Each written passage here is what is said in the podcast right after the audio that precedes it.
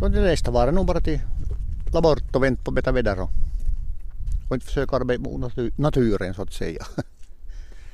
Här i, i Torvik så, så har det varit skrotverksamhet ganska länge. Ja, no sedan, officiellt sedan 63 tog farsan rättighet, eller som toiminimi. Så nu har jag varit näin. Nu har jag varit näin tid nu. Smeds bilskrot är ju, är ju välkänt för att här finns det mesta. Hur mycket bilar har du här? Jag hade ingen aning men jag skulle gissa det mellan 3000-3500 ungefär. 5,3 hektar. 5,3 hektar och, och, bilar i värsta fall i, i tre ovanpå varandra. Ja, tyvärr.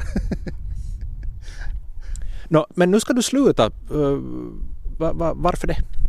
Nå, åldern tynger på lite och så LU-centralen med sina krav så var jag lite inblandad och så är som, är som vad ska vi säga, passligt dagsläge för, för, för gubben börjar vara ett år till pension och så som jag sa så kommer det ju alltid byråkrati mot i dagens läge så är som för stora investeringar att börja fundera på något nytt.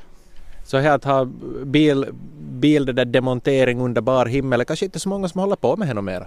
No, nu håller de på med nu men de har striktare på det viset att de plockar ut motorer och sånt denna och, och har som tomma karosser. Så här är inte något problem.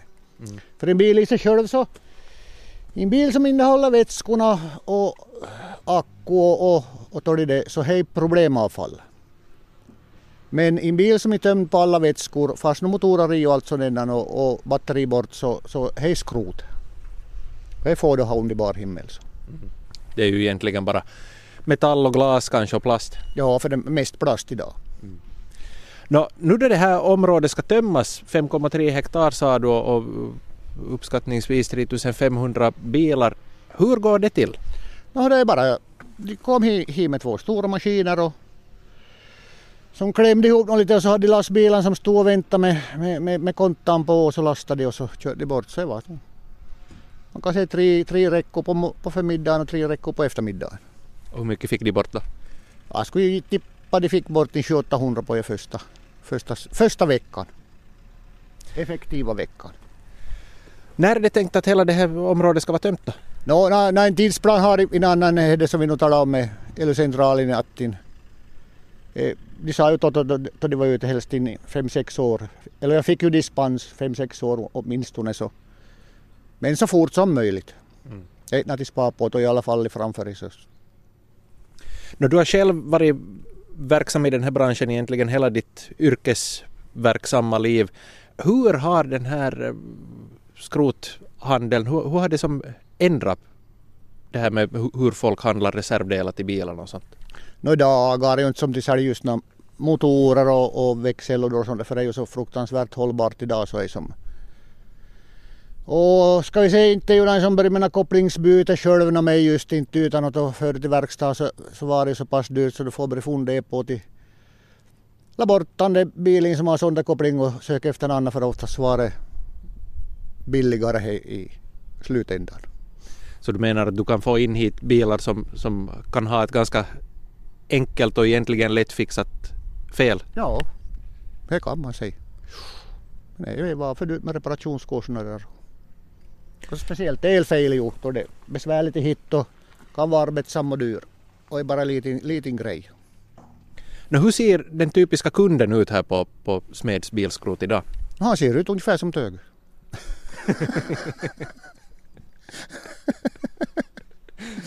Du får beskriva. ja, lite arbetsklädd och rätt inställning och gummistövlar på fötterna. Men vad är kunden ute efter? Delar. Både gamla bilar och lite nyare och somliga tar bara som en nostalgitripp hit då. Går runt som de brukar säga i terapiträdgården i en timme eller två. Torviks terapiträdgård. Ja. jo. No, de här bilarna som du får, får in hit, om du jämför med det som kom in hit på 70 och, och, och 80-talet och, och då, de, de, bilar som kommer in idag, mycket mer elektronik. Hur, hur har det liksom ändrat med, med det här, vad, vad, vad det går att sälja från?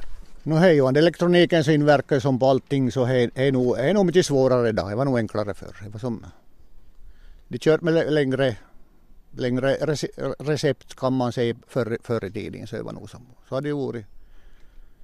I förgasare är det nog mycket enklare än insprutningsdetaljer då det så är nog som.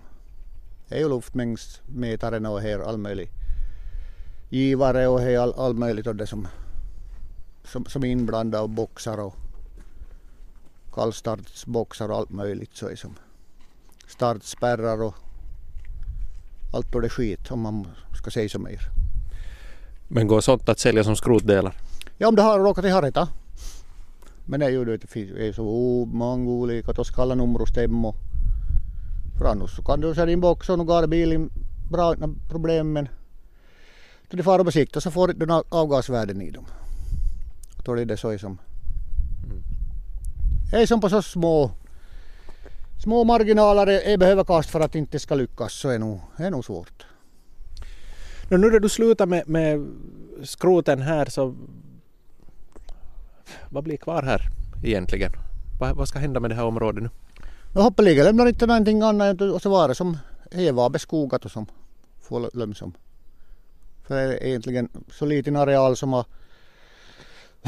ska jag säga, varit odlad från förr i världen och så, så är inte som värt att försöka några markkarteringsprov och det utan det är som får beskogas så behövs inte någon markkartering.